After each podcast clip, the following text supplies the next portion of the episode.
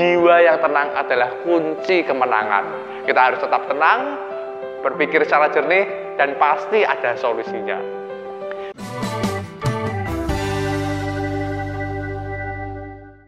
Halo guys, kembali lagi dengan saya Erik Aradi. Hari ini kita akan belajar untuk melakukan analisa suatu perusahaan. Erik mendapat pertanyaan yang sangat bagus sekali dari Novlin. Hai Erik, nama saya Novlin. Saya pemilik rumah makan. Awalnya rame, omset bisa 1,2 juta. Namun sekarang sepi, omsetnya menurun hanya menjadi 200 ribu rupiah. Padahal modal dari pinjaman bank. Saya kerepotan menyetor, jaminan juga sudah disita. Bagaimana solusinya? Bu Novlin, pertama kita perlu untuk melakukan analisa perusahaan. Dan untuk melakukan analisa perusahaan mudah sekali caranya. Kita cukup mengajukan beberapa pertanyaan yang bisa kita tanyakan ke diri kita sendiri. Beberapa pertanyaan yang bisa kita tanyakan pada diri kita sendiri adalah sejak kapan omset mulai menurun? Apakah penyebab pelanggan tidak mau datang lagi? Apakah karena faktor internal atau karena faktor eksternal? Faktor internal bisa jadi karena rasa makanan yang kurang sedap, harga yang terlalu tinggi, atau pengalaman makan yang kurang menyenangkan. Faktor eksternal bisa jadi karena pelanggan sekarang lebih suka untuk makan di rumah, mungkin ada perbaikan jalan yang menyusahkan pelanggan untuk datang ke tempat makan, atau daya beli pelanggan yang menurun berhubung karena ekonomi susah. Kita juga bisa menanyakan beberapa pertanyaan lainnya. Apakah makanan favorit pelanggan? apakah makanan yang paling jarang dipesan pelanggan?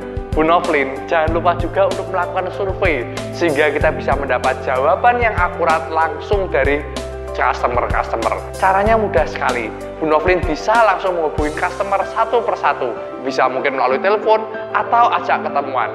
Bu Novlin bisa menanyakan mengapa sih kok sekarang jarang datang ke restoran saya, apa sih penyebabnya? Apakah karena faktor internal, faktor eksternal? Apakah ada makanan yang kurang sedap? Dengan kita bisa berinteraksi langsung dengan customer, maka kita akan mendapatkan input langsung dari customer. Apa sih yang bisa kita perbaiki? Hal ini sebenarnya banyak dipraktekkan oleh banyak perusahaan, termasuk presiden kita Pak Jokowi. Pak Jokowi ini kan sering belusukan masuk ke desa-desa, masuk ke usaha-usaha yang kelas bawah, sehingga dia bisa langsung mengerti apa sih permasalahan yang sesungguhnya. Dia tidak hanya di back office saja, tapi dia langsung survei terjun ke pasar-pasar. Dengan demikian kita bisa mendapat jawaban yang langsung real, jawaban yang nyata. Oh permasalahannya ini, oh permasalahannya itu.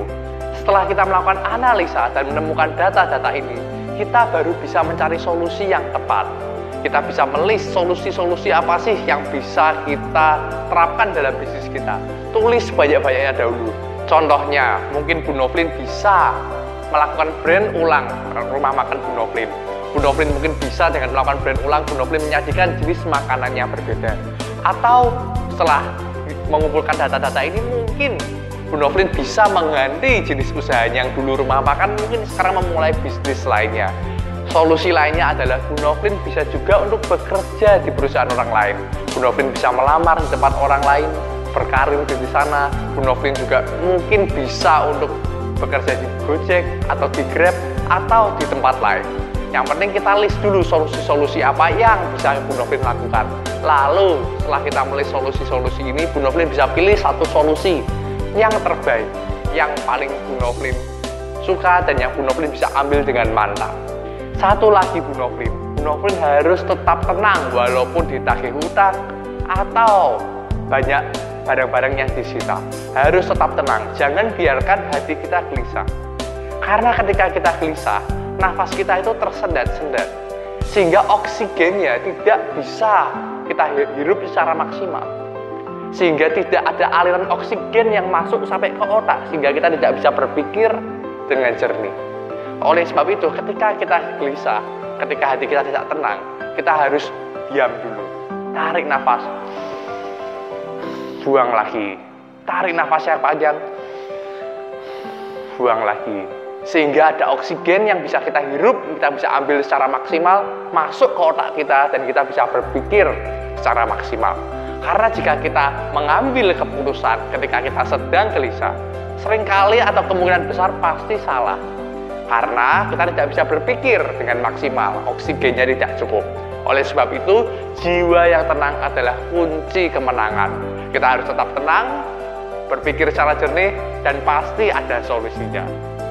Begitu saja tips dari Erik hari ini. Bagi Anda yang punya pertanyaan, bisa langsung komen di video di bawah ini atau masuk ke www.erikaladi.com. Jangan lupa untuk like, komen, dan subscribe untuk mengikuti video-video berikutnya. Salam sukses.